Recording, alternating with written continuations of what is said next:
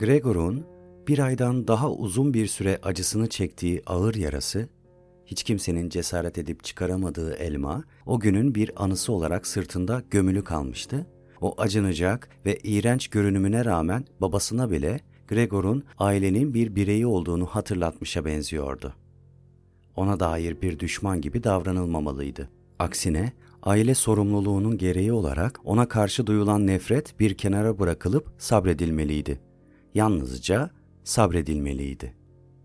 Gregor, yarası nedeniyle hareket kabiliyetini tümüyle kaybettiyse de odasında dolaşmak için yaşlı bir gazi gibi uzun zamana ihtiyaç duysa da yukarılara tırmanması artık söz konusu değildi.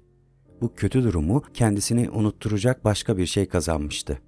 O da akşamları iki saat öncesinden gözlerini diktiği oturma odasının kapısının açılmasıydı. Böylece Gregor odasının karanlığında otururken diğerlerine kendisini fark ettirmeden tüm ailesini ışığın aydınlattığı masada otururken izleyebiliyor ve şüphesiz eskiden olduğunun aksine hepsinin onayıyla konuşulanları dinleyebiliyordu. Kuşkusuz bu konuşmalar Gregor'un bir zamanlar küçük otel odalarının nemli yataklarında yorgun ve bitkin bir halde yatmak zorunda olduğunda özlemini çektiği o canlı sohbetlere hiç benzemiyordu. Şimdilerde çoğu kez büyük bir sessizlik oluyordu. Babası akşam yemeğinden kısa bir süre sonra koltuğunda uyumaya başlıyor, annesiyle kız kardeşi sessiz olmaları için birbirlerini uyarıyorlardı. Annesi lambanın altında iki büklüm olmuş bir halde bir moda evi için zarif iş çamaşırları dikiyordu. Satış elemanı olarak çalışmaya başlayan kız kardeşi ileride daha iyi bir iş bulabilmek umuduyla akşamları steno ve Fransızca öğreniyordu. Babası bazen gözlerini açıyor ve sanki ne kadar uyuduğunu bilmiyormuş gibi karısına bugün yine ne kadar çok dikiş diktin diyor. Karısı ile kızı birbirlerine yorgun argın gülümserlerken tekrar uykuya dalıyordu. Babası bir tür inatçılıkla evdeyken de üniformasını çıkarmaya yanaşmıyordu. Röpteşambırı işe yaramaz bir şekilde askıda dururken sanki her an göreve gidecekmiş de amirinin direktifini bekliyormuş gibi tepeden tırnağa giyinik olduğu yerde uyukluyordu. Bu nedenle başlangıçta da pek yeni olmayan üniforma annesinin ve kız kardeşinin gösterdikleri tüm özene rağmen kirlenmeye başlamıştı ve Gregor çoğu kez bütün akşam boyunca yaşlı babasının içinde hiç rahat edemediği ancak mışıl mışıl uyuduğu, lekelerle dolu, sürekli silinmekten yaldızlı düğmeleri pırıl pırıl parlayan üniformasına bakıyordu. Saatin gongu onu vurur vurmaz annesi alçak sesle babasını uyandırmaya çalışıyordu. Çünkü burada doğru dürüst uyumak olanaksızdı ve sabah saat 6'da işbaşı yapmak zorunda olan babasının iyi bir uykuya ihtiyacı vardı.'' Fakat babası her gece uyuyup kalmasına rağmen işe girdiğinden beri edindiği inatçılıkla birazcık daha masada oturmak için ısrar ediyor ve koltuğundan kalkıp yatağına gidinceye kadar insanları epey uğraştırıyordu. Gregor'un annesi ve kız kardeşi küçük uyarılarla ne kadar üstüne giderlerse gitsinler 15 dakika boyunca yavaşça başını sallıyor, gözlerini açmıyor ve yerinden kalkmıyordu. Annesi kolundan tutup sarsıyor, kulağına tatlı sözcükler fısıldıyor, Kız kardeşi annesine yardım etmek için ödevini bırakıyordu. Fakat babası bunları duymuyor, gittikçe koltuğuna daha çok gömülüyordu. Ancak iki kadın her biri bir yandan koluna girip onu kaldırmaya çalıştıklarında gözlerini açıyor, bir karısına, bir kızına bakıp bu da yaşamak mı? Yaşlı günlerimde göreceğim huzur bu mu olacaktı diyordu. Ve iki kadına yaslanarak ve sanki kendisini zor taşıyormuş gibi ağır ağır kalkıyor, kadınların onu yatak odasının kapısına kadar götürmelerine izin veriyor, kapıda onlara gitmelerini, yalnız başına devam edeceğini söylüyor. Ama kısa bir süre sonra annesi dikişini, kız kardeşi kalemini çabucak bırakıyor ve ona yardım etmek için arkasından koşuyorlardı. Çalışmaktan bitmiş, yorgunluktan tükenmiş bu ailede kimin Gregor ile gereğinden fazla ilgilenecek vakti vardı ki? Evin masrafları her gün biraz daha kısıtlanıyordu hizmetçi kıza yol verilmişti. İri yarı, gür, beyaz saçlı gündelikçi bir kadın sabahları ve akşamları güç işleri görmek için geliyordu. Geri kalan tüm işleri bir sürü dikişinin yanında annesi yapıyordu. Hatta bir akşam Gregor satış fiyatları üzerine sohbet ederlerken annesi ve kız kardeşinin özel günlerde ve bayramlarda büyük bir mutlulukla taktıkları aileden kalma mücevherlerini bile sattıklarını öğrendi. Fakat en büyük sıkıntıları içinde bulundukları koşullar nedeniyle artık kendilerine çok büyük gelen evden taşınamamalarıydı. Çünkü Gregor'u nasıl götüreceklerini bilmiyorlardı. Fakat Gregor ailesinin taşınmama nedeninin sadece kendisi olmadığını seziyordu. Çünkü ailesi Gregor'u birkaç hava deliği olan bir kutuya koyup pekala kolayca taşıyabilirdi. Ailesini taşınmaktan alıkoyan asıl neden duydukları müthiş çaresizlik ve bütün akraba ve dost çevresinde hiç kimsenin başına gelmeyen büyük bir felakete uğradıklarını düşünmeleriydi.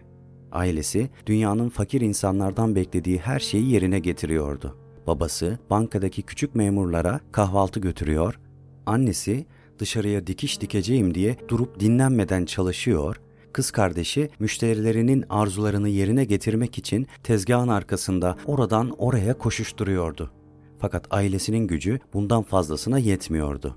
Ve Gregor annesiyle kız kardeşinin babasını yatağa götürüp geldiklerinde işlerini bırakıp iyice birbirlerine sokularak neredeyse yanak yana oturduklarını gördüğünde ve annesi Gregor'un odasını işaret ederek oradaki kapıyı kapat Grete dediğinde annesiyle kız kardeşinin gözyaşları birbirine karışırken ya da donuk gözlerle masaya bakıp dururlarken Gregor yine karanlıkta kalıyor ve sırtındaki yara henüz tazeymiş gibi sızlıyordu.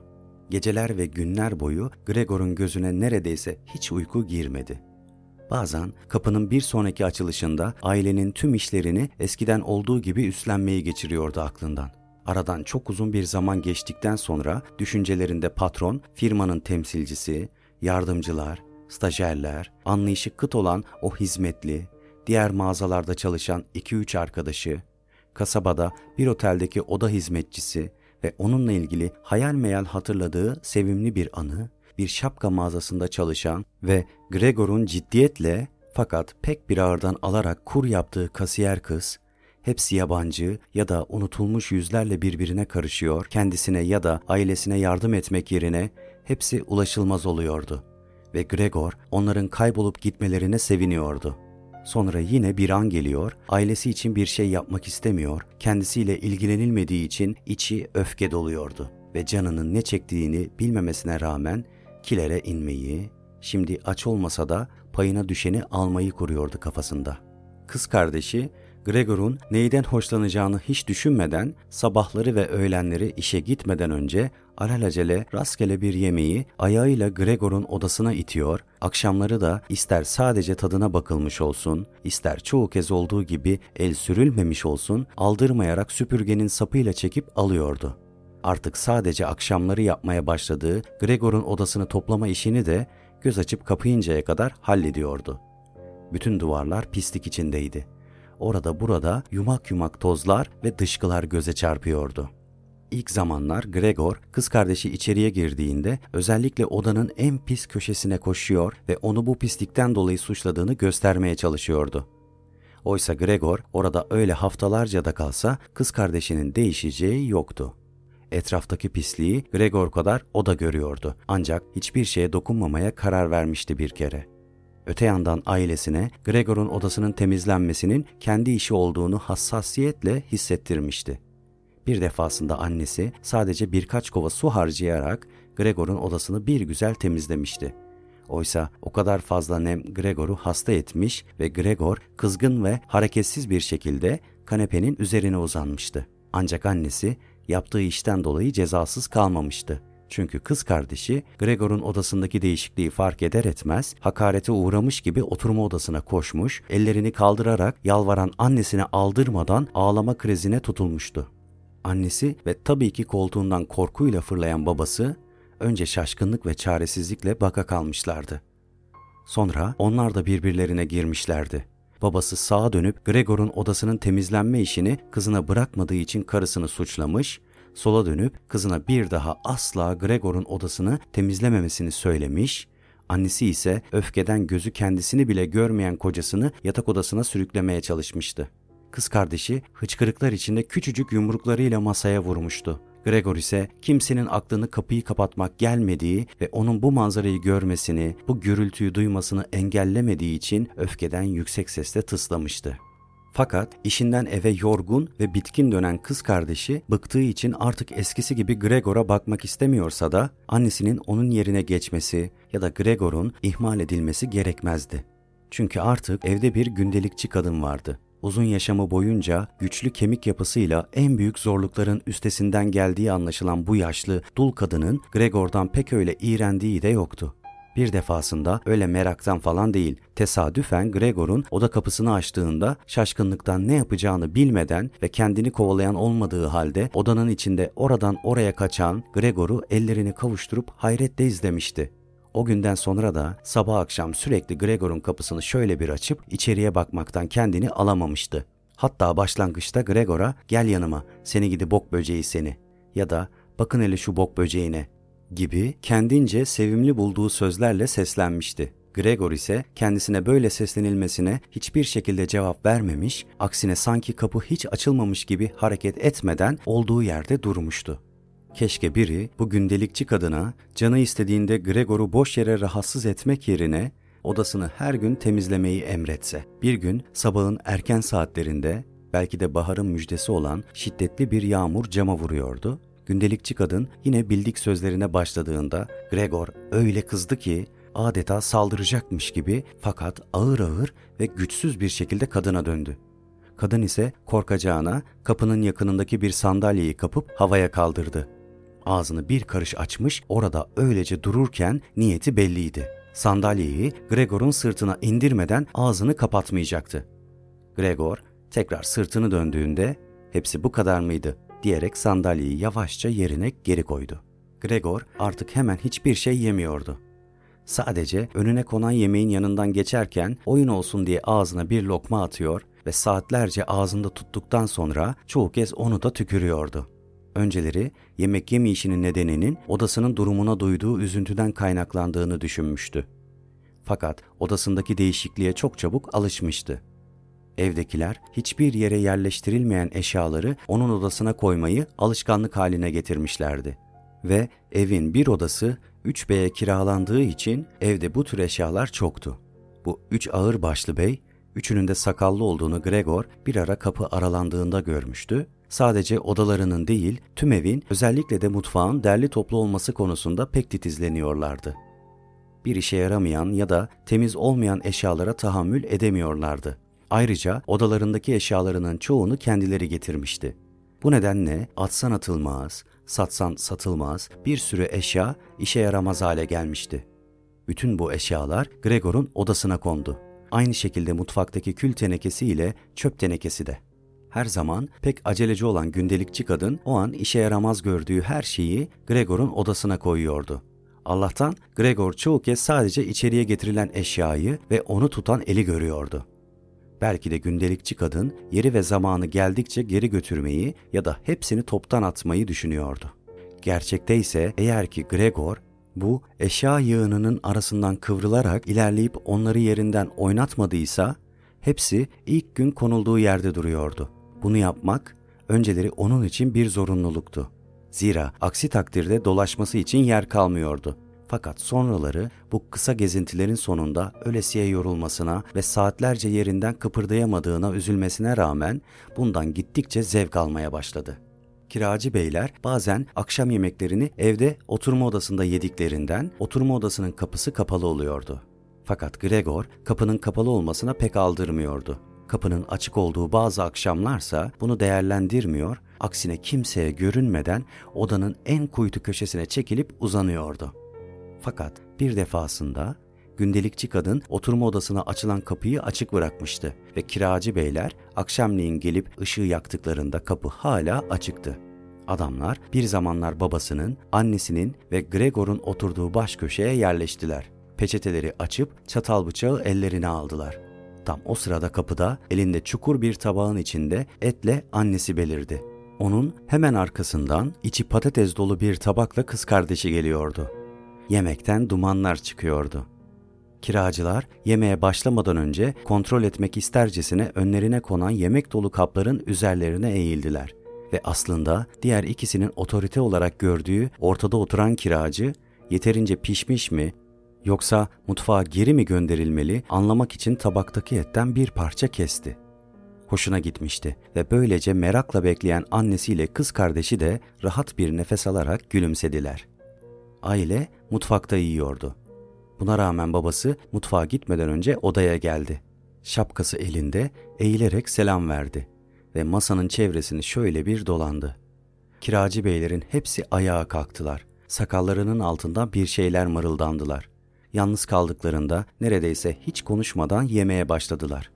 Sofradaki onca gürültünün arasında kiracıların yemeği öğüten dişlerinin çıkardığı seslerin duyulması Gregor'a garip geldi. Sanki bununla ona yemek yemek için dişlere sahip olmak gerektiğini ve diş olmadıktan sonra en güzel çeneyle bile yemek yenemeyeceğini göstermek istiyorlardı. Benim de canım istiyor istemesine, dedi Gregor kendi kendine sıkıntıyla. Ama bu şeyleri değil. Adamlar ne de güzel yiyorlar. Oysa ben öleceğim. İşte tam o akşam Gregor ne zamandır evde keman çalınmadığını hatırlamıyordu. Mutfaktan keman sesi duyuldu. Kiracı beyler yemeklerini yemişler, ortada oturan eline bir gazete almış, diğer ikisine de birer sayfasını vermişti. Ve şimdi arkalarına yaslanmış gazetelerini okuyor ve sigaralarını içiyorlardı. Keman sesini duyduklarında dikkat kesildiler. Ayağa kalkıp parmaklarının ucunda antreye yürüdüler ve üçü birden kapının önünde durdular. Onların geldikleri mutfaktan duyulmuş olmalı ki babası şöyle seslendi. Beyler, kemanın sesinden rahatsız mı oldular acaba? Rahatsız olduysanız kesebiliriz. Aksine dedi ortadaki bey. Acaba küçük hanım gelip burada çalamaz mı? Burası çok daha rahat, çok daha uygun. Aa, tabii memnuniyetle dedi babası. Sanki kemanı o çalıyormuş gibi. Beyler odaya dönüp beklemeye başladılar.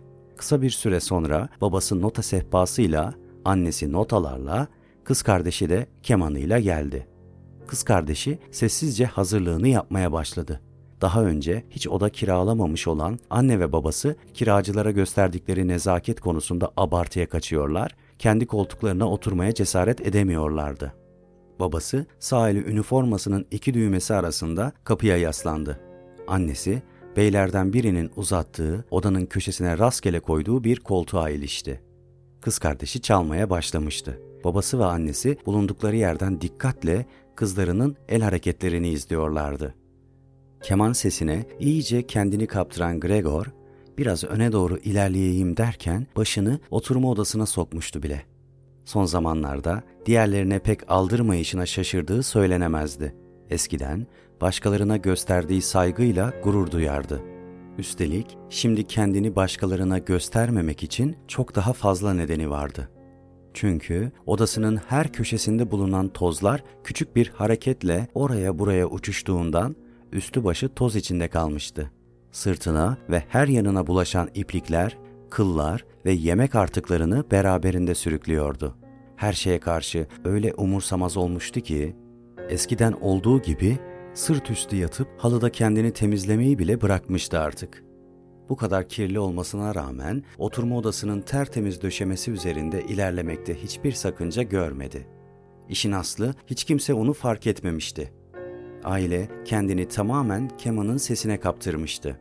Kiracı beylere gelince onlar başta elleri pantolonlarının cebinde notaları görebilmek için kız kardeşinin nota sehpasının hemen arkasında durmuşlardı. Ve hiç kuşkusuz bu kız kardeşini rahatsız etmişti. Ancak bir süre sonra kendi aralarında hafif yüksek sesle konuşarak ve başlarını eğerek pencerenin yanına çekilmişler ve babasının kaygılı bakışları altında orada kalmışlardı.'' Hoş ve eğlendirici bir müzik dinlemeyi uman kiracıların hayal kırıklığına uğradıkları, bütün bu gösteriden sıkıldıkları ve sadece nezaketen rahatlarının kaçmasına izin verdikleri çok açık görülüyordu. Özellikle üçünün de sigarasının dumanını ağızlarından ve burunlarından havaya üflemeleri ne kadar sinirlendiklerini gösteriyordu. Oysa kız kardeşi ne kadar da güzel çalıyordu. Başını yana eğmiş, hüzünlü bakışlarla notaları takip ediyordu. Gregor biraz daha öne çıktı ve kız kardeşiyle göz göze gelebilmek için başını iyice yere yanaştırdı. Müzikten böylesine etkilendiğine göre bir hayvan olabilir miydi? Sanki özlediği o bilinmeyen gıdaya giden yol karşısına çıkıvermişti.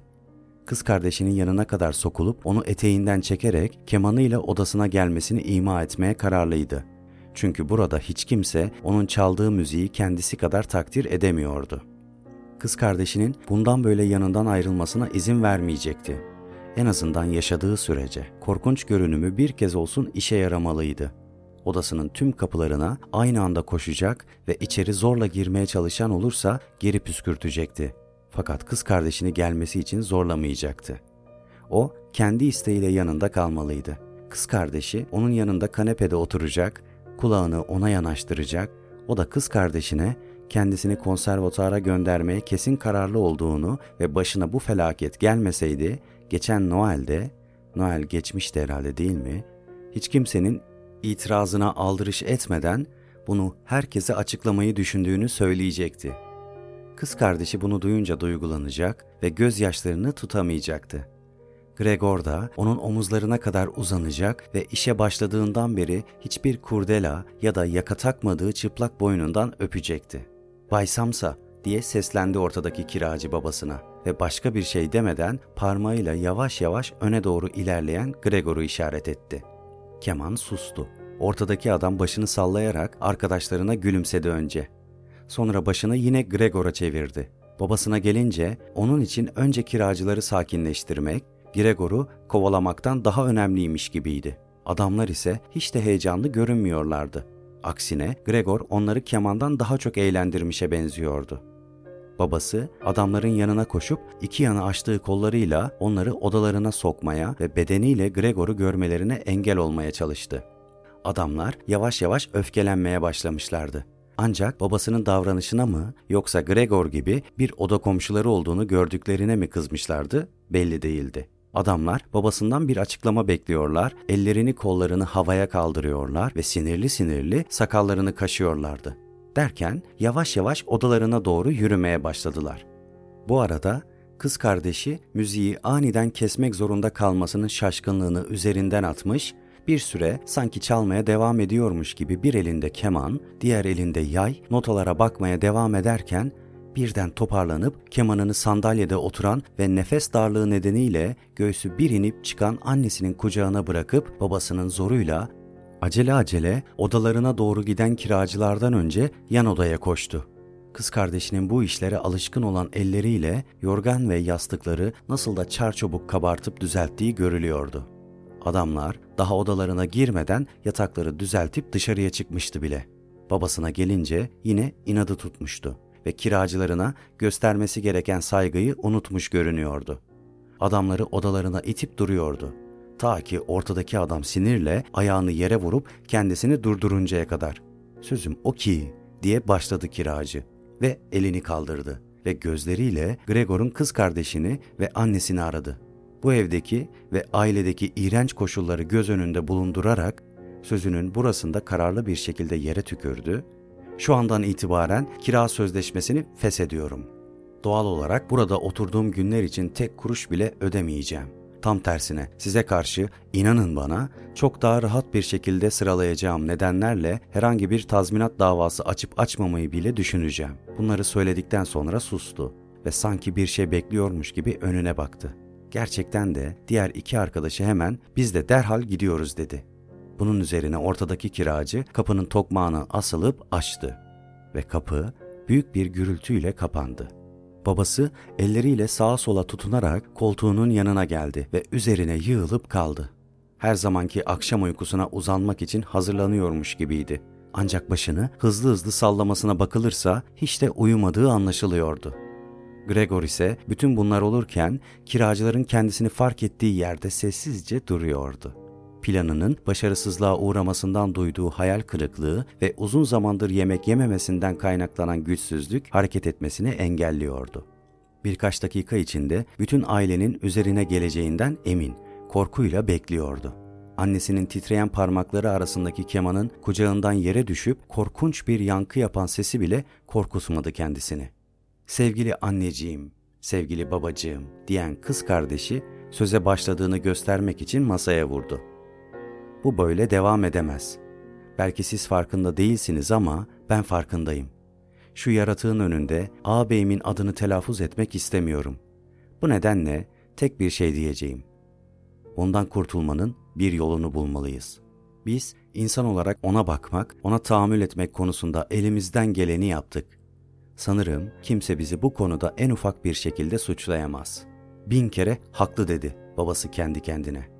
Hala yeterince soluk alamayan annesi elini ağzına götürüp gözlerinde garip bir ifadeyle boğuk boğuk öksürmeye başladı. Kız kardeşi annesinin yanına koşup alnını tuttu. Kız kardeşinin sözleri babasının kafasında belli düşünceler uyandırmışa benziyordu. Oturduğu yerde doğruldu. Kiracıların akşam yemeğini yedikleri ve henüz toplanmamış masada tabakların arasında duran şapkasıyla oynuyor ve bu arada sessizce duran Gregor'a bakıyordu. Ondan kurtulmaya çalışmamız lazım dedi kız kardeşi babasına dönüp. Çünkü annesi öksürmekten hiçbir şey duymuyordu. Bu ikinizin de ölümüne neden olacak. Olacakları şimdiden görüyorum. İnsan bizim gibi bu kadar çok çalıştıktan sonra eve geldiğinde bir de böyle bir işkenceye katlanamaz doğrusu. Ben katlanamıyorum artık. Ve öyle hıçkıra hıçkıra ağlamaya başladı ki gözyaşları annesinin yüzüne düşüyor, annesi de bilinçsiz hareketlerle yüzünü siliyordu. Peki ama yavrum dedi babası dokunaklı bir sesle ve gözle görülür bir yumuşaklıkla ne yapmamız gerekiyor? Biraz önceki kararlılığının yerini alan, ağlarken kapıldığı çaresizlik duygusunu göstermek isteyen kız kardeşi omuzlarını silkmekle yetindi. Bizi anlayabilseydi dedi, tekrarladı babası ve gözlerini kapayarak bunun asla mümkün olmayacağını söyleyen kızının sözlerine tümüyle katıldığını göstermeye çalıştı. O zaman onunla bir anlaşma olabilirdi ama böyle. Gitmek zorunda diye bağırdı kız kardeşi. Tek çıkar yol bu baba. Yapmak zorunda olduğun tek şey onun Gregor olduğunu aklından çıkarman. Bizim asıl talihsizliğimiz bu kadar uzun bir süre buna inanmış olmamız. Fakat o nasıl Gregor olabilir ki? Eğer o Gregor olsaydı insanların böyle bir hayvanla bir arada yaşayamayacaklarını çoktan anlar ve kendi isteğiyle çekip giderdi. O zaman onsuz kalırdık ama yaşamamıza devam eder ve onun anısını gururla korurduk. Fakat böyle bu hayvan peşimizi bırakmıyor, kiracıları kaçırıyor. Belli ki bütün evi ele geçirmek istiyor. Bizi de sokağa atmak. Bak baba, bak diye bağırmaya başladı ansızın. Yine başlıyor. Ve Gregor'un hiç anlam veremediği bir korkuyla annesinin yanından ayrıldı. Gregor'un yakınında olmaktansa annesini feda etmek ister gibi annesinin koltuğunu kendinden uzaklaştırdı ve babasının arkasına koştu. Kızının davranışlarından telaşlanan babası ise ayağa kalktı ve onu korumak istercesine önüne geçip kollarını havaya kaldırdı. Fakat Gregor herhangi birini, hele ki bu kız kardeşini korkutmayı aklından bile geçirmiyordu. Sadece odasına gitmek için geri dönmeye başlamıştı. Ancak acı çektiği için zor dönüşlerde başını kaldırıp güç almak zorundaydı. Ve şimdi de başını birkaç kez kaldırıp yere vurduğundan insanı ürküten bir manzara çıkmıştı ortaya. Durup etrafına bakındı. Kötü bir niyeti olmadığı anlaşılmış gibiydi. Bir an için korkuya kapılmışlardı. Şimdi ise hepsi suskun ve acıyarak ona bakıyorlardı. Annesi bacakları gergin ve birbirine yapışmış bir vaziyette koltuğunda oturuyor, gözleri yorgunluktan neredeyse kapanıyordu. Babası ve kız kardeşi yan yana oturuyorlardı. Kız kardeşi kolunu babasının boynuna dolamıştı. Belki şimdi artık dönebilirim diye geçirdi aklından Gregor ve tekrar işe koyuldu. Zorlandığı için sesli sesli solumasını engelleyemiyor, ikide bir dinlenmek zorunda kalıyordu. Ayrıca kimse de onu sıkıştırmıyordu. Kendi haline bırakılmıştı. Dönmeyi tamamlayınca hemen dosdoğru odasına yöneldi.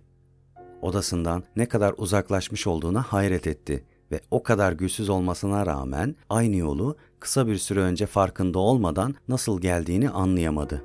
Odasına gitmekten başka bir şey düşünmediğinden ailesinin kendisini rahatsız edecek tek bir kelime etmediğine ve seslenmediğine dikkat etmedi bile. Ancak odasının kapısına geldiğinde boynu kasıldığı için başını biraz çevirdi ve arkasında hiçbir şeyin değişmediğini gördü. Sadece kız kardeşi kalkmıştı. Son olarak bakışları artık çoktan uyumuş olan annesine takıldı. Odasına henüz gitmişti ki kapısı arkadan aceleyle kapatıldı. Sürgülendi ve kilitlendi. Gregor arkasından gelen büyük gürültüden öyle korktu ki bacakları büküldü. O kadar acele davranan kişi kız kardeşiydi. Orada hazır durmuş ve beklemişti. Gregor onun geldiğini duymamıştı. Anahtarı kilidin içinde çevirirken anne ve babasına dönüp nihayet diye bağırmıştı. Peki şimdi ne olacak diye sordu. Gregor kendi kendine ve karanlıkta etrafına bakındı. Çok geçmeden artık hiç hareket edemediğini fark etti. Buna şaşmadı. Daha çok şimdiye kadar bu zayıf bacaklarıyla hareket edebilmesi şaşırtıcıydı. Üstelik şimdi kendisini her zamankinden daha rahat hissediyordu. Gerçi bütün bedeni ağrıyordu. Ancak bu ağrılar gittikçe azalıyormuş ve sonunda tamamen geçecekmiş gibiydi. Sırtındaki çürümüş elmayı ve yumuşak tozlarla kaplanmış iltihaplı çevresini neredeyse artık hissetmiyordu bile. Ailesini düşündüğünde içi sevgiyle doluyor ve duygulanıyordu. Kız kardeşinden daha da kararlı bir şekilde yok olması gerektiğine inanıyordu. Kulenin saati sabahın üçünü vuruncaya kadar böyle boş ve huzur içinde düşüncelerle geçirdi zamanını. Pencereden ortalığın ağarmaya başladığını da gördü. Derken başı kendiliğinden düştü ve burun deliklerinden son nefesini verdi. Sabahın erken saatinde gündelikçi kadın geldiğinde bütün enerjisi ve aceleciliğiyle birçok defa kendisine tembih edilmesine rağmen kapıları öyle çarpardı ki onun gelişiyle uyumak mümkün olamazdı. Ve her gün olduğu gibi Gregor'un odasına kısa bir ziyaret yaptığında önce olağan dışı bir şey fark etmedi. Kendi kendine Gregor'un orada öyle kasten hareketsiz yattığını ve kırılmış rolü oynadığını düşündü. Çünkü onun aklından her şeyi beklerdi. O sırada elinde olan uzun süpürge ile Gregor'u gıdıklamaya çalıştı. Bunda da başarılı olamayınca öfkelendi ve Gregor'u dürtmeye başladı. Ancak hiçbir direnmeyle karşılaşmadan onu yerinden oynatabildiğinde dikkat kesildi. Çok geçmeden durumu kavrayınca gözleri fal taşı gibi açıldı. Kendi kendine ıslık çaldı. Fakat fazla oyalanmadı. Yatak odasının kapısını açtı ve karanlığın içine doğru yüksek sesle bağırdı. Bakın şuna gebermiş. İşte orada yatıyor. Tamamen gebermiş. Samsa çift yataklarında doğrulup oturdular. Ve gündelikçi kadının ne söylediğini anlamadan önce onun yarattığı korkuyu yenmeye çalıştılar. Sonrasında ise Bay ve Bayan Samsa her biri kendi yattığı taraftan aceleyle fırladı. Bay Samsa battaniyeyi omzuna aldı. Bayan Samsa ise geceliğiyle çıktı. Bu şekilde Gregor'un odasına geldiler. Bu arada kiracıların gelişinden bu yana Grete'nin uyuduğu oturma odasının kapısı da açılmıştı. Grete tamamen giyinikti. Sanki hiç uyumamıştı. Solgun yüzü de bunu kanıtlıyor gibiydi. Öldü mü? dedi Bayan Samsa ve soran gözlerle gündelikçi kadına baktı. Oysa kendisi de her şeyi kontrol edebilir ve hatta etmeden de anlayabilirdi. Öyle olduğunu sanıyorum dedi gündelikçi kadın ve kanıtlamak için Gregor'un ölü bedenini süpürgeyle bir parça yana itti. Bayan Samsa süpürgeyi tutmak istiyormuş gibi bir hareket yaptı fakat tutmadı. Şimdi dedi Bay Samsa, Tanrı'ya şükredebiliriz artık. İstavros çıkardı. Üç kadın da aynısını yaptı. Gözünü bir an bile Gregor'un ölüsünden ayırmayan Grete, bakın ne kadar da zayıflamış. Uzun zamandır hiçbir şey yemiyordu. Yemekler önüne koyulduğu gibi geri alınıyordu. Gerçekten de bedeni dümdüz ve kupkuru olmuştu. Bacaklarının üzerinde durmadığından ve insanın dikkatini çekecek başka bir şey kalmadığından bu durum açıkça görülüyordu. Gel Grete birazcık bizim yanımıza dedi Bayan Samsa hüzünlü bir gülümsemeyle. Ve Grete geri dönüp Gregor'un ölüsüne bakarak anne ve babasının ardından yatak odasına gitti. Gündelikçi kadın kapıyı kapatıp pencereyi sonuna kadar açtı. Sabahın erken saati olmasına rağmen temiz hava biraz ılımanlaşmıştı. Henüz Mart ayının sonuydu. Üç kiracı bey odalarından çıkmışlar, şaşkınlıkla etraflarına bakıp kahvaltılarını arıyorlardı. Onları düşünen olmamıştı. Kahvaltı nerede kaldı diye sordu ortadaki kiracı asık bir suratla gündelikçi kadına. Kadın ise parmağını dudaklarına götürerek susmalarını işaret etti. Sessizce ve çabucak Gregor'un odasına gelmelerini söyledi. Adamlar geldiler de elleri biraz aşınmış ceketlerinin cebinde artık iyice aydınlanmış odada Gregor'un ölüsü etrafında dikildiler. Tam o anda yatak odasının kapısı açıldı. Üzerinde üniforması Bay Samsa göründü. Bir kolunda eşi, diğer kolunda kızı vardı. Üçü de biraz ağlamış gibiydi. Grete arada bir yüzünü babasının koluna yaslıyordu. Derhal evimi terk edin dedi Bay Samsa. Kadınları kolundan bırakmadan ve kapıyı gösterdi. Ne demek istiyorsunuz diye sordu ortadaki kiracı. Biraz şaşkın ve tatlı bir şekilde gülümseyerek. Diğer iki kiracı onun arkasında kendilerinin lehine sonuçlanacak bir kavgayı sevinç içinde beklercesine durmadan ellerini ovuşturuyorlardı. Ne diyorsam onu kastediyorum diye cevap verdi Bay Samsa ve karısı ile kızı kolunda dost doğru kiracının üzerine doğru yürüdü. Kiracı ise sesini çıkarmadan orada öylece duruyor ve her şeyi kafasında yeniden toparlıyormuş gibi yere bakıyordu. O halde biz de gideriz dedi ve birdenbire takındığı alçak gönüllü bir tavırla Bay Samsa'dan kararını yeniden onaylamasını bekliyormuş gibi başını kaldırıp ona baktı. Bay Samsa ise sadece kocaman gözlerini birkaç defa evet anlamında kırptı. Bunun üzerine kiracı hemen büyük adımlarla oturma odasına geçti. Diğer arkadaşları ise bir süredir ellerini ovuşturmaktan vazgeçip sakince dinliyorlardı. Ve Bay Samsa onlardan önce gelip liderleriyle aralarına girer endişesiyle acele acele arkadaşlarının arkasından gittiler. Adamlar oturma odasındaki askıdan şapkalarını aldılar. Bastonluktan bastonlarını çıkardılar. Sessizce selam verip evden ayrıldılar.'' Bay Samsa yersiz olduğu belli bir kuşkuyla karısı ve kızını alıp kapı önüne çıktı. Parmaklıklara yaslanarak üç kiracının ağır ağır ama duraklamadan uzun merdivenlerden inmelerini, her katta merdiven sahanlığında kaybolup birkaç dakika sonra yine ortaya çıkmalarını izledi. Onlar gözden kayboldukça Samsa ailesinin ilgisi de azalıyordu. Ve bir kasap çırağı başında sepeti gururlu bir edayla kiracıların yanından geçip yukarı çıkarken Bay Samsa da eşi ve kızıyla birlikte parmaklıktan ayrıldı ve hepsi birden hafiflemiş bir halde evlerine döndüler. Samsa ailesi bugünü dinlenerek ve gezintiye çıkarak geçirmeye karar verdi. İşlerine bu şekilde ara vermeyi hak ettikleri gibi buna şiddetle ihtiyaçları da vardı. Ve üçü de masaya oturup birer özür mektubu yazmaya başladılar.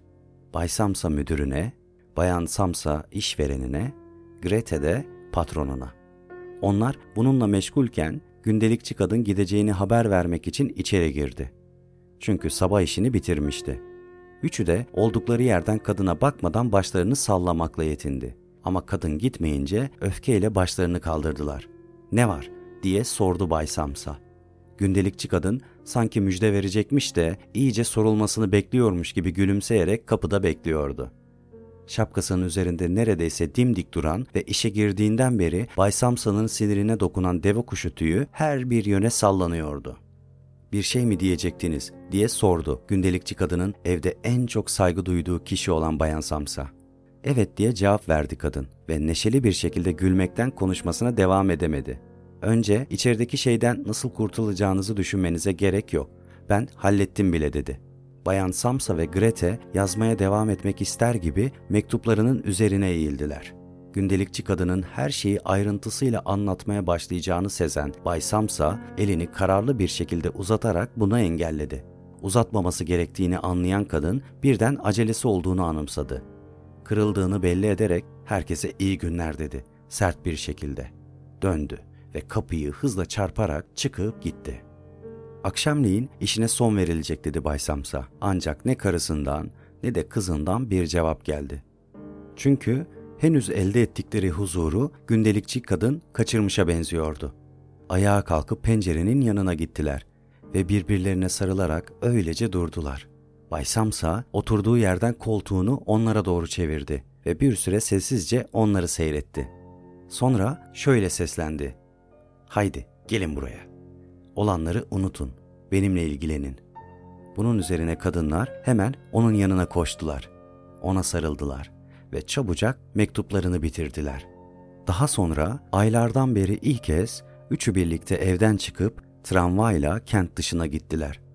Sadece üçünün olduğu vagonun içine güneşin sıcaklığı dolmuştu. Oturdukları yerde arkalarına yaslanarak gelecekleriyle ilgili planlarından konuştular ve konuştukça da geleceklerinin hiç de kötü görünmediğini anladılar. Çünkü üçünün de o güne kadar birbirine sormadığı işleri gayet iyiydi ve özellikle de gelecek için çok şey vaat ediyordu. Kuşkusuz şu an durumlarını düzeltmenin en kolay yolu evlerini değiştirmekti. Daha küçük, daha ucuz fakat daha iyi bir semtte ve bir zamanlar Gregor'un seçtiği ve şimdi oturduklarından daha kullanışlı bir eve taşınabilirlerdi. Kendi aralarında böyle sohbet ederlerken Bay ve Bayan Samsa ikisi de hemen hemen aynı anda gittikçe canlanan kızlarının son zamanlarda yaşanan ve yanaklarını solduran onca üzüntüye rağmen nasıl da güzelleşip serpildiğini fark ettiler. Daha da sessizleşerek, neredeyse farkında olmadan bakışlarıyla konuşarak kızları için iyi bir eş bulmanın zamanının geldiğini düşündüler. Ve son durağa gelince herkesten önce Grete ayağa kalkıp körpe bedeniyle gerindiğinde yeni düşlerinin ve güzel planlarının gerçekleşeceğinden emindiler.''